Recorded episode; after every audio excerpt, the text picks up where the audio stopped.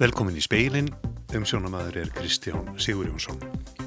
Ástæðið til að hafa áhyggjur af meiri hernaðarumsviðum á norðurslóðum meðal annars í ljósi þess að bandaríkja hér áformar uppbyggingu á keflauguflugulli. Þetta segir Katrín Jakobsdóttir, forsættisráttera. Embætti ríkislauruglustjóra segir að framganga ríkislauruglustjóra í máli lauruglumanns sem þrjár stúlkur sökuðum kynfyrirsbrott hafi verið lögum sangvenn. Vel gengur að rinda 54 verkefnum árskamallar byggðaáallunar í framkvæmt að mati verkefnastjóra í samgöngu og sveitasjónaráðunitunum, en tíu verkefni eru þó enn ekki hafinn. Hlið verður gert á kjaraviðræðum í júli og fram yfir vesturmannahelgi. Ríkið býður félögum að semjum fríðarskildu fram í miðjan september og að allir fái eingreðslu upp á 105.000 krónur. Veðufræðingur segir að þurr viðri undanfarna vikna á Vesturlandi sé tæplega hægt að skrifa á loslasbreytingar. Ef þetta gerðist ár eftir ármætti talum breytingar. Forsættisráþurra segir ástæði til að hafa verulegar áhyggjur af auknum hernaðar umsvifum á norðurslóðum meðal annars í ljósi áforma bandaríki hers um 7 miljardar króna uppbyggingu á keflauguflugulli á næsta ári. Hún segir að með þessu sé þó ekki verið endurvekja gömlu herstuðina á svæðinu. Nei, ég myndi nú ekki segja það og það mun ekki koma til að hér verði aftur herseta, uh, allavega ekki meðan við erum í ríkistjón, en það eins og að liggur fyrir að með þessari uppbyggingu og raunar undanfarin ár hefur viðveru hermana á varnarsvæðinu í Keflavík og hersvæðinu í Keflavík, hún hefur aukist. Er það áhugjefni að þínum átti? Já, það endur speklar auðvitað þessa auknu hernaða væðingu hér í högunum í kringum okkur sagði Katrín Jakobsdóttir. Höskuldur Kári Skram talaði við hana. Nána verður rætt við forsættisráð þeirra í kvöldfréttum sjónvarps. Lauruglumadur sem þrjár stúlkur söguðum kynferðisbrot starfaði áfram meðan á rannsókn allra málana þryggja stóð. Embætti ríkislauruglastjóra segir að framganga ríkislauruglastjóra í máli lauruglumansins hafi verið lögum sangkvæmt. Meintubrótin áttu sér staði í sumambústaðaferð árið 2007 og greindi stjúpdóttir mannsins fyrst frá þeim. Lauruglumæðurinn gengdi áhrifastöðu innan lauruglunar þegar máli kom upp. Í frett rúfi gerkvöldi kom fram að sangkvæmt niðurstöðu nefndan um eftirlit með lauruglu hafi ríkislauruglustjóri getað vikið lauruglumanninum sem kærður var frá störfum á meðan rannsókn stóði yfir. Haraldur Jónisen, ríkislauruglustjóri, gæti ekki orði við beðinni frettastofu um viðtal vegna þess að hann er í orlofi Erlendis. Í svari frá Telmu Þórðardóttur yfirlögfræðingi ríkislauruglustjóra sem sendt var frettastofu í dag er bent á að nefndum eftir lit með lauruglu hafi ekki talið ástæðu til að senda ríkislauruglustjóra tilmæli um aðgerðir vegna málsins. Nýja heldur hafi hún talið ástæðu til frekari aðtamna af halvu nefndarinnar. Það er aukstuð nánar í ákverðun nefndarinnar. Þar segir að ekki sé hægt að ráða að fullu af útskýringum ríkislauruglustjóra hvers vegna manninum var ekki vikið tímabundi frá störfum. Hvort það væri vegna skorts á gögnum, líkt og ríkislauruglustjóri hefur borið fyrir sig, eða hvort ríkislauruglustjóri hafi talið að heimil til þess að vikja manninum frá hafi ekki verið til staðar. Vegna þessa og vegna þess að skipunarvald sé ekki lengur hjá ríkislauruglustjóra var ekki talin ástæði til frekari aðtafna. Þá er tekið fram í svari embættisins að maðurinn hefði komið aftur til starfa hjá lauruglunni þar sem mál á hendur honum hafi verið fælt niður. Fjölmörg dæmi séu um slíkt og lauruglumannum hefði því ekki verið veitt lausn frá embættinu að fullu. Framkomi frettur úr í gær að samkvæmt niðurstöðu nefndar um eftirlit með störfum lauruglu hafi ríkislauruglustjóra verið heimilt að víkja honum frá störfum á meðan á rannsókn stóð. Milla Ósk Magnúsdóttir tók saman. Donald Trump bandaríkja fósiti kynnti í dag frekari refsi aðgerir gegn Íran. Hann hyggst til að mynda beita Ayatollah Ali Khamenei, erki klerk Írans, stórtækum viðskiptaþvingunum til að hefna fyrir drónan sem Írans herr skaut niður í síðustu viku. Trump ítrekkaði að hann myndi ekki leifa Íran að framleiða kjartnorkuvopn og að Khamenei sem er jafnframt aðstir ráðamaður Írans bæri ábyrð á fjandsamlegri hegðun íranskra stjórnvalda. Refsi aðgerirnar fjela meðal annars í sér að eignir leðtoga og annara áhrifamanna í Íran verði fristar í auknum mæli. Tíu verkefni úr árskamalli byggðaáallin er ekki enn komin til framkvæmda en vinna við lang flest önnur verkefni er komin á stað. Sérstakur verkefnahópur verður brátt skipaður til að aðstóða stofnanir við að fjölga störfum án staðsetningar. Fyrir rúmu ári samþykti alþingi stefnum mótandi byggðaáallun til ársins 2024. Þar eru 54 verkefni, þremur verkefnum er lokið, axturstjónusta fyrir fatlað fólk í dreifbíli, innleiðing áfangastað áallana í ferðarþjónustu og þá geta fleiri framleiðendur út hjá landi nú nýtt sér niðurgreðslu á fluttingskostnaði. Tíu verkefni eru ekki hafinn, þar á meðal hagnýting upplýsingatækni til háskólanáms, en lang fæstar námskrinnar í Háskóla Íslands eru í boði í fjarnámi. Vinna við 41 verkefni er komin af stað. Þar má nefna Ísland ljóstengt, þrýfasa rafmagn, flug sem almenningssamgöngur, stuðning við verslun í strjálbíli, sóknar áallanir landsluta, brotættar byggðir og fleira. Ein af þeim aðgerðum sem vonir eru bundnar við er fjölgun starfa án staðsetningar. Að 10% auglístra starfa í ráðunitum og stofnunum þeirra verði án staðsetningar árið 2024. Holmfríður Sveinstóttir er verkefnastjóri byggðaáallunar í samgöngu og sveitarstjórnaráðunitinu. Við hérna í samgöngu og sveitarstjórnaráðunitinu erum þegar byrjuð og við, það var auglist núna fyrir skemstu eftir lögfræðingasviði sveitarstjórnar og byggðamála og það var einstaklingur ráðun sem að emitt býr á söðakröki. Verkefnahópur verður skipaður til að hjálpa ráðunitum og stofnunum að sjá út þau störf sem hægt er að sinna hvar sem er og auglýsa ánstaðsetningar þegar þau losna.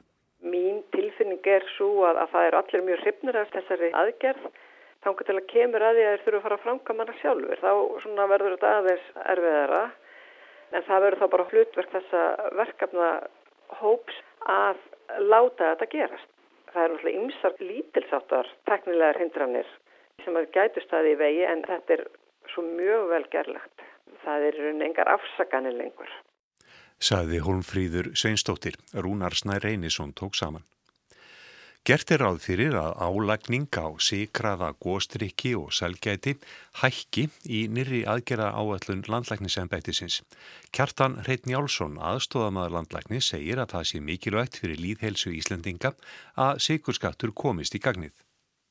Í ljósi þess hversu mikil síkurnislan er hér á landi og hversu, uh, hversu, hversu alvarlegt uh, líðhelsu mál það er að neyta of mikils síkurs samfélagi hilsinni að þá teljum við að síkurskatturinn sé mjög mikilvægur í þessu langtíma markmiði. Neyslu stýring þurfa að vera liður í því að draga úr síkurneslu Íslandinga því upplýsing og kvartning er ekki nóg og það þurfi meira til. Samhliða því að hækka síkurskattin þá er hugmyndin að lækka virðisauka skattin á hotlari matvörum á borði grænmyndu og ávexti en efasemdarattir heyrast um tengsl sikurnislu og offittu. Kjartan segir að augljóst sé að það þurfi að taka á sikurnislunni því hún sé mikil. Hins vegar, þó svo að það sé margt að horfa til betur vegar í þessum málum og sína allar nýlega kannanir og að sikurnisla á Íslandi sé mjög mikil og svo sko, langmest á Norrlöndunum þá er hún hér og það sama á, á við um offittu. Sæði Kjartan Hreit Njálsson. Ólafur Stefensen, framkvæmdastjóri félags atvinnureikanda, sæði morgun útvarpun á Rástfö að tillagan hræri í kerfineyslu skatta sem félaginu lítist illa á. Tinna Eiríksdóttir sæði frá. Mjaldra sýsturnar Littla Grá og Littla Kvít hafa, hafa nú hafist við í sérsmíðæri laug í Vestmanniðum í fimm daga eftir ferðarlegi langa frá Kína. Pál Marvin Jónsson, forstuðumæður þekkingasettus Vestmanniða, hefur fylst með sýstrónum og hvernig þeim vegnar í eigin? Þetta gengur bara þokkalega, þannig að ég bara ekki sé að vonum framar. Þetta er náttúrulega stóra átt að ég flytti þessi dýringa yfir og, og, og eins og mun hafa svo sem rætt og hefur komið við það fram að það er svona að mörga higgja. En uh, það verðist að það gengi allt vel og það er ekkit, ekkit sem að segir og okkur að það verði ekki hægt að sleppa þeim út í, í klesvík eftir eitthvað tíma. En það er í fjóra vikna einangrun núna? Já, það er allavega fjóra vikur, svona eftir hvernig gengur aðlast og, og hvernig það er þarna. Það er svona mast sem setur lámaskröfu fjóra vikur. Svo náttúrulega eftir hvernig dýrin eru í ástandi og annars líkt, hvort það eru hægt að standa við það eða ekki, hvort það mm. getur dreyft eitthvað, ég veit ekki. Ég var náttúrulega heppin að vera svolítið í návíð þegar það er komið og, og voru settar í, í búri. Þetta tók náttúrulega langan tíma og líka langan tíma að aðferma eh, vagnarna og allt þetta. Það er mörg að higgja og eitt býri aðeins hreift sér til í, í, í táknum sínum og svo þetta þurft að nutta henni þannig að kominni þannig verið að hún sæti rétt í, í sirkinu sinni þannig var að hýfa niður þannig að það af hlutum en svo þarf að koma í laugin að þá vittist það bara vera mjög ánæði með sig og friskar og það er náttúrulega erfitt verðalag en, en með að við allt og, og, og alls sko þá, þá vilti það bara verið nokkum góðum málum. Saði Pál Marvin Jónsson í Vestmanniðum í spjalli við hafðísi Helgu Helgadóttur í sítiðis útvarpinu á Rás 2. Bandaríska kvennalandsliði knasputnu er komið í áttaliða úslit á heimsmeistaramótinu í Fraklandi. Bandaríkin unnu spán með tveimu mörgum gegn einu í 16 leið úslitum í leik sem lauk nú rétt fyrir klukkan 6. Klukkan 7 hefst leikur Svíþjóðar og Kanada í 16 leið úslitum. Leikurum eru síndur á Rúf 2.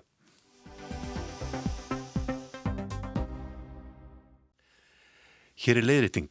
Í umfjöllun speilsins á fastu dag var borin saman kostnaður við tvö við tvo kólefnisjöfnunar kosti. Þar kom fram að það kostaði 5.000 krónur að kólefnisjöfna 1 tonna af koldvísýringi hjá Votlandisjóði en 2.000 krónur hjá kolviði. Þá var því haldið fram að áhrifin af kólefnisjöfnunni kemur strax fram hjá Votlandisjóði en að til þessa áhrifin kemur strax fram hjá kolviði þyrti að greiða 120.000 krónur á hverju ári. Þetta er ránt. Til að ná fram sömu áhrif og ná fram sömu áhrifum og hjá Votlendisjóði, jafnfljótt, þyrti einingis að greiða þessar 120.000 krónur einu sinni hjá kolviði. Við byggjumst velveringar á þessu. Einar Sveinbjörnsson, viðfræðingur, velkomin í speilin. Einar viðfæri hér á landi síðan í mæ. Það hefur verið öðruvísi á Suður og Vesturlandi í það minsta með við það sem er fólki í fesku minni á samantími fyrra. Hver er ástæðan fyrir þessu? Já, má ég alveg segja það við séum alveg hinnum endanum. Í fyrra var, eh, var hérna óunulega þungbúið hérna Vestarlands og lítið um, um sólskinn. Nú er hins vegar, eh, hefur verið mjög sólríkt og mér er að tala um það að nálgast metið hinn meginn frá allavega fyrir, fyrir júnimánuð. Það má ég alveg segja að það hefur verið eh, svona, já, nokkuð afbreyðilegt við alveg frá því april. Fyrst uh, var mjög hlýr aprilmánuð, það tók upp allan snjó meir og minna á hálendinu, allavega svona læri svæðum þar vorleysingi var snemma á ferðinni síðan e, frá því mánaðamótin april-mæ þá hefur verið hér ríkjandi mjög hár loftrýstingur og e, það er svo sem ekkert óðelilegt að sjá það í mæ en, en þessu hefur þetta verður haldið áfram og stendur er raun og veru enn með, og það er, það er núna hár loftrýstingur og verður eitthvað fram í, fram í komandi viku og þessum háa loftrýstingi hafa hefur, fyllt sko annars vegar norðanáttir og norðaustanátt Eh, eða einhvers konar sunnanáttir eða suðvestanáttir.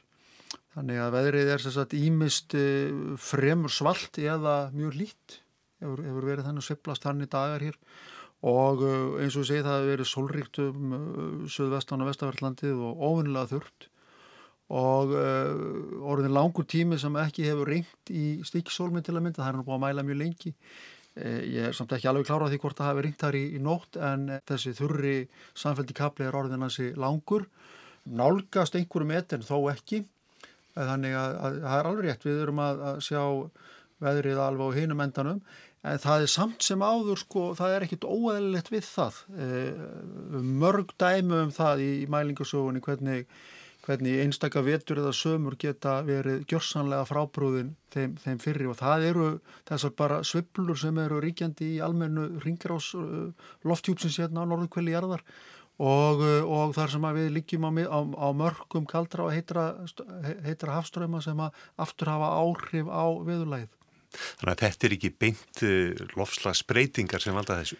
Nei, ég myndi nú ekki, myndi, það var nú svona heldur eh, svona fljótt trappað af einhverjum álugtunum í þá veru eh, en hins vegar ef við sæjum þetta endurtaka sig á næstu árum, jáfnveil í tvígang, að við séum að sjá eitthvað sem að er eitthvað viðurlega sem er alveg á jæðrinum sko að því gefnu að það er mikið um það rætt að sérstaklega sömarlagi að það sé aufgækjandar að vera átta að eh, í, í, við séum, séum að það séu meiri sviftingar og meiri breytileiki í veðurlæginu og, og uh, það geti verið hluti af, af loslasbreytingum en akkurát það að þessi háþrýstingu eru verið hérna viðvarandi og það hefur verið þurft í þessar vikur getur alveg átt sér eðlilega skýringar innan þessara venjulegu sveifluna. Hmm. En er það nýtt það sem að við hefum hýrt þegar það er, það er viðvaranir frá almanna vörnum um hættu á gróðureldum. Mm. Er, er, sko, er meiri hættu á því núna bara út af meiri trjárækt? Og... Já, er þetta ekki bara fyrst og fremst vegna breyttra landnótkunar hérna fyrir 30-40 árum síðan að þá var, þá, uh, þá var ekki svona mikið kjarr eins og nú er orðið, kjarr og ræktaður skór útplantaðu skóur þannig að, að e, þetta er þannig að bartriðin og þau eru mjög eldfim þegar að þotnar það sem er byrkikjar þá er að meira undirgróðurinn, sinan og mósin sem, sem að brennur. Og, og ég skil bara mjög vel þessar áhyggjur vegna þess að, að, að sagt, e, fyrst, e, hérna, fyrst þotnar jarðvegurinn, hann er orðin alveg skröfður og svo þotna plönturnar. Og þá þarf lítið sérstaklega að vera vindur til þess að lítill eldur geti geti magnast. Að því litinu til er þetta, er þetta nýtt. En sko þurkur á Íslandi og þurfiðri að voru til í mæ og júni er, er ekki ný saga. Það hefur oft gerst áður. Mm. En það er ykkur ykningi í kortunum á næstunni? Já, nú er, er útlutverið annað viðurlag og breytt viðurlag þar að segja bara, allt þessi ekki, við ekki sagt að þetta er fyrsti dagun þar sem er alveg reynræktuð söðu vestan góla og hæsti hitti dagsins er núna á Ústurlandi en ekki á, á söður eða Norðurlandi og, uh, eða, eða fyrir vestan. Og um, við sjáum það að, að ringrásin, þessi almenna ringrás hérna á norðurkveli eða sérst, við norðurallarsafið hún er, er að bortnaldóldi niður.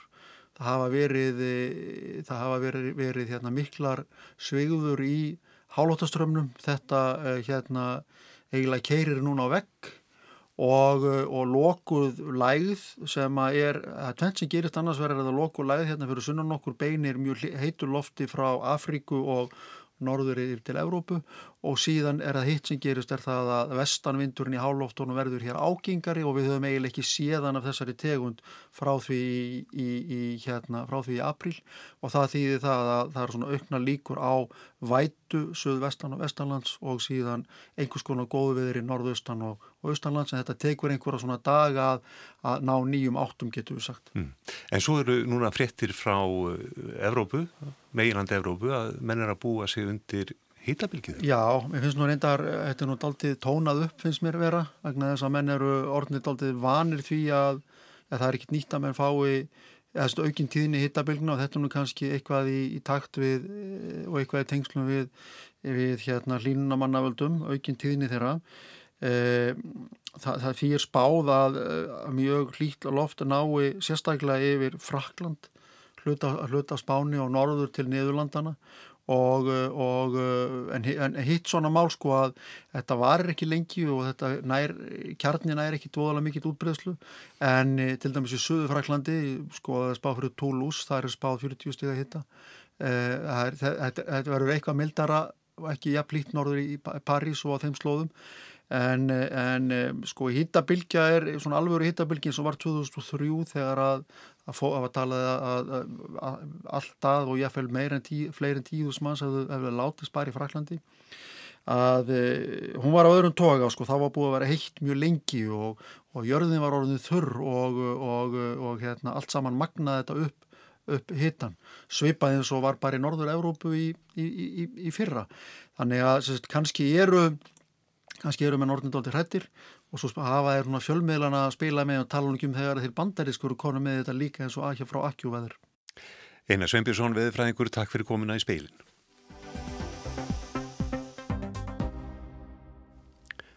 Það stefnir í að hlið verði gert í júli á kjara viðræðum ofenbara starfsmanna við ríki og sveitafélug.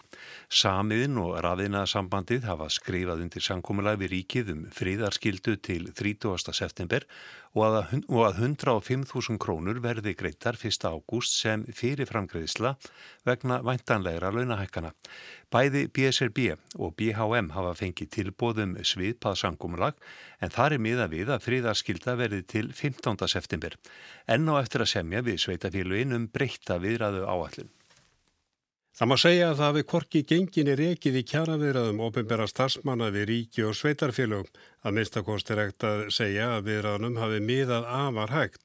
Samlingar hafi verið lausið frá fyrsta mass, en bætti sátarsemira ríkisins verður lokað eða fyrir sumafrí frá fyrsta júli og fram meði Vestlumannhelgi.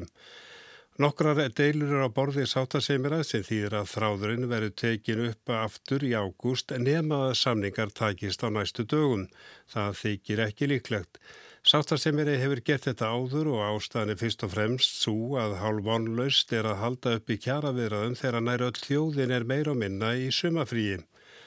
Rösklega 200 kjarasamningar eru lausir meðal ofinbæra starfsmanna bæði hjá ríki og bæm. Þar við borðu gera mennsi grein fyrir að samfélagi lamast að mestu í næsta mánuði og að erfitt verða að halda viðraðum gangandi. Samin og raðina sambandið höfðu frumkvæði að því að leggja til að viðraða áætlun er breytt þannig að hlýja er því gert á viðraðum í júli og fram í ágúst. Þó ekki sé minnst á sumafrí eru þau megin ástæðan eða mikilvæg ástæða sangumalagsins. Samkómulagi ber yfirskriftina samkómulag um endurskoðun á viðræða áallun. Það hveður á um að ný viðræða áallun miðast við að kjara samningum verði loki fyrir 30. september. Fyrir að skilda gildir fram að þeim tíma sem þýðir að ekki hægt að vísa deilum til sáttarsemiram ný heldur að búa til aðgerðan. Gullrótin er að launamenn fá 105.000 krónar fyrirframgreislu eða einingreislu miða við fullt starf upp í vandalegar launahækkanir. Hún verður greitt út 1. ágúst. Með þessu verið að tryggja að þó að samningar drægist að langin fái ofinbyrði starfsmenn svipaðar hækkanir og þegar hefur verið samiðum á almenna markaðnum. Laun þar hækkuðum 17.000 krónur 1. apríl og einnig að þegar að og ef samningar takast verði miðað við launahækkanir frá 1. apríl. Í samkomleginu er tilgreint að viðraður um launathróna tryggingu og stýttingu vinnuveikunar eða breytt fyrirkomulag vinnutíma hafi tekið lengri tíma en uppalega hafi verið gert ráð fyrir. Félögninnan BSRB hafa fengið sama tilbúð og líka BHM. Það eftir að koma ljósu hvort BHM samþykir en líklegt er að það verið samþykt innan BSRB. Fríðaskildan hjá bæði BSRB og BHM er til 15. september. Það er ljóst að kjærasvæmsverðarnar eru búin að tefjast mun meira heldur en við áttum vona á. Þetta eru flóki mál sem við erum að ræða og kannski sérstaklega umræðanum styrtingu vinnuveikunar fyrir vaktafinu hópa. Þannig að við vildum gefa okkur góðan tíma í það og þess vegna var ákveðið að horfa til þessa að við myndum reyna að ljúka kjærasamningi fyrir 15. september segir Sonja Ír Þorbergstóttir formar BSRB. Eftir því sem næst verið komist hefur félag hjúkunarfræðinga gert samkómla við ríkið um friðarskildu og fyrirframgreislum eða innágreislur eins og það heitir í samkómlaðinu.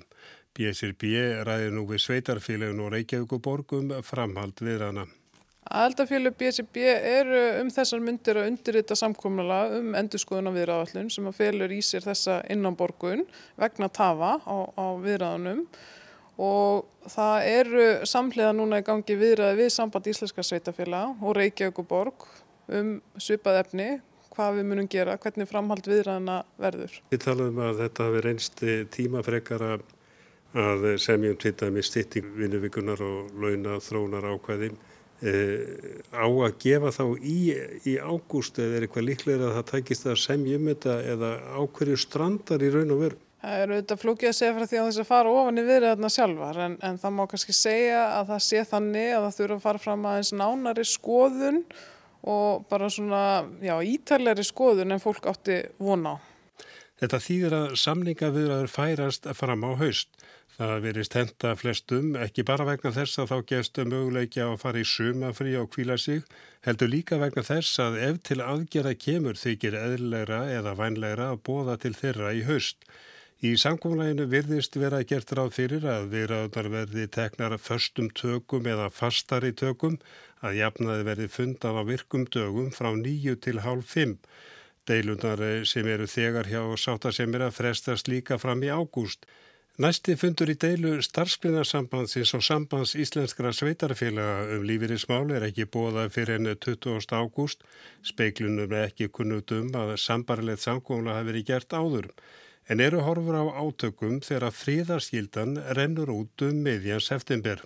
Það sem okkur fyrst í ákvætti í þessu er að það er líka nýtt að það sé verið að semja um innanborgun upp á 105.000 krónur hjá ríkinu vegna tafa sem hefur ekki gerst áður.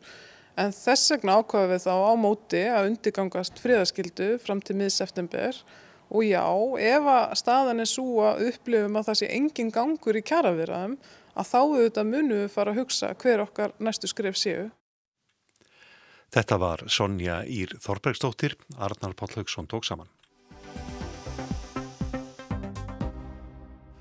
Fyrst voru þeir tíu frambjóðundur til leiðtúa íhalsflokksins og þar með forsættisráð þeirra. Nú eru, eru þeir tveir eftir, Jeremy Hunt, utanrikisráð þeirra og þingmaðurinn Boris Jónsson, áður borgarstjóru höfuborgarinnar og utanrikisráð þeirra.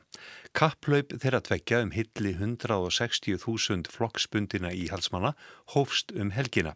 Veganesti Jónsons eru fréttir af rifrildi hans og sambíliskonu hans og þar með er hegðan hans og framkoma utan stjórnmáluna orðin innleggi baróttuna í við bót við brexit-stefnu og önnur stefnumál. Krútlegur þrjóttur og Teresa May í síðbuksum. Sér kaltæning nún í bótt virðist leðtókjör íhalsflokksins snúast um þessar tvær manngerðir. Annars vegar brexit-sinnin Boris Johnson fyrir um borgastjóri og utarikisráð þeirra sem hefur vist augljós sigurvegari Hins vegar núverandi utaríkisráð þeirra Jeremy Hunt áður ansnúin Brexit en lofar nú farsætli útgöngu. Johnson er þessi ódreiknalegi náungi sem fær fólk til að hlæja ofta á annara kostnað eins og á háskóla áránum í Oxford og skólabróður hans frá Oxford, Jeremy Hunt, líkari alvarlegum ennbætsmenni en stjórnmálumanni. Nú reynir Johnson að vera alvarlegur og brosandi Hunt farin úr jakkafatta jakkanum bæði í eiginlegri og óeiginlegri merkingu. Úrslitin í leðtókjörnu verð ekki ljós fyrir enn sent í júli en hönd hefur ekki alveg svo langan tíma upp á að hlaupa. Eftir tvær vikur verða atkvæðaseðlar sendir flokksbundnum íhalsmunum. Þanga til er lag fyrir hönd til að saksa á forskot Johnsons. Að því Johnson gæti fræðilega séð tapað núverandi forskoti notar hann kafbótabræðið að vera sem mest í kafi utan sjónmáls Allt svo íhalsflokksmenn sjá ekki svo mikið af honum að þeir missa honum dálatið. Hönd sakar því Johnson um huglesi. Hann þor ekki að sitja fyrir svörum harst núna fréttamanna, þor ekki fjölmjöla kappræður. Yfirreið frambjöðanda um landið hófst um helgina sátu fyrir svörum hjá Ian Dale, hörðum íhalsmanni og álitskjafa. Dale nefndi strax í upphafi frétt um rifrildi Johnsons við sambíliskonu sína, reyndi ítrekað að spyrja út í þetta. Johnson svaraði alltaf með ræðum um fyrri afreg og stefnumál. I've, I've, I've tried to give my answer pretty exhaustively. I think what people want to know is whether I have the determination and the courage to deliver on the uh, commitments that I'm making, and it will need a lot of grit right now. So just to be clear, you're not going to make any comment at all on what happened last night? I think that's pretty, that's pretty obvious from the foregoing. Ég held ég að við svara þessu nokkuð ítarlega. Það sem fólk vil vita núna er hvort ég hafi ákveðinu og kjark til að efna gefin fyrirheit og það þarf mikið þór núna, sagði Johnson. Þegar Dale spurðan hvort hann ætlaði alls ekki að segja neitt um rifrildisfréttinnar, neytti Johnson á að það væri nú nokkuð ljóst. Já, hann var ófáanlegur til að nefna þessa uppákomu vísast að ráðum spunamistara og reyndi ekki eins og eða málinu með snakkaralegum tilsvörum um að svona sé lífið öll pur rífist einhver tíma. Reynslan sínir hins vegar að spurningar án svara hverf ekki. Hönd hefur nýtt á að enga líf sé engamál stiklar varlega í kringum rifrildið en minnir í leiðinni rétt á það. Hamrar frekar á stefnuleysi anstæðingsins um Brexit. Johnson slái úr og í um útgöngusamning reynir bæði að hafða til þeirra sem eru mótfallnir útgöngu án samnings og þeirra sem einmitt vilja engan samning. Þessi tveir hópar velti því nú fyrir sér hvaða Boris verði fórsætsrað þeirra, segir Hunt. People who support him who want no deal taken off the table, other people who support him who want no deal, and they're beginning to wonder which is the Boris Johnson that we're going to get as Prime Minister. Það er þó fjarrið í að Brexit stefna Hunt sé efalös og skýr Hann lofar að beita ríkum samningshæfileikum sínum til að semja aftur um Brexit, nákvæmlega það sem framkvæmdastjórn Evrópusambansins hefur þvert tekið fyrir. Auðvitað verði hlustað á nýjar tillögur nýs fósætsráðura en ólíklegt að það finnist sveigrún til nýra leiða sem uppfylli óskir Brexit sinna. Heldur ekki þrátt fyrir væntalega mannabreitingar á næstunni í stjórnkerfi ESB. Vandi frambjöðanda nú er að það er mun erfiðar en áður að slá fram staðlösum brexit-stöfum eftir að allar hliðar brexit-vandans hafi verið rökrættar í þrjú ár. Þegar Boris Johnson kynnti frambóð sitt nýlega lofaðan til dæmis tollalesi og aðlögnartíma þó brettar færi út án samnings. Mark Carney, sælabankastjóri, benti umsögalust á að hvortvekja væri ránt. Það þurfti að semja um tolla eða tollalesi og aðlögnartíminn fylgdi aðeins samningi, engin samningur, engin aðlögnartími. Og svo það nýjasta, alltaf 12 þingmenn íhalsflokksins getur hugsanlega greitt atkvæði gegn öllum tilraunum eigin ríkistjórnar til að koma í gegn samningslausri útgöngu. Svo anstaða var í nót til að fella stjórnina. Brexit-barningur Theresa May var erfiður. Það er ekkit sem bendri til að eftirmaður hennar er í vændum auðveldari tíma. Sigrun Davistóttir saði frá. Það var helst í speklinum í kvöld að ástæðir til að hafa áhyggjur af meiri hernaðar umsvefum og norðurslóðum meðal annars í ljósi þess að bandar ekki hér áformar uppbyggingu og keflaðu flugvelli. Þetta segir Katrín Jakobsdóttir forsætisar á þeirra. Embætti ríkislauglustjóra segir að framganga ríkislauglustjóra í máli lauglumannsins sem þrjár stúlkur söguðum kynferðisbrót hafi verið lögum samkvæmt. Vel gengur að hrinda 54 verkefnum árskamallar byggða áallunar í framkvæmt að mati verkefnastjóra í samgöngu og sveitastjóðnaráðunitinu. Og hlið verður gert á kjara viðræðum í júli og fram yfir Vestlunarmanna helgi. Það var ekki fleira í speklinum í kvöld. Tæknimaður var Mark Eldredd, veriði sæl.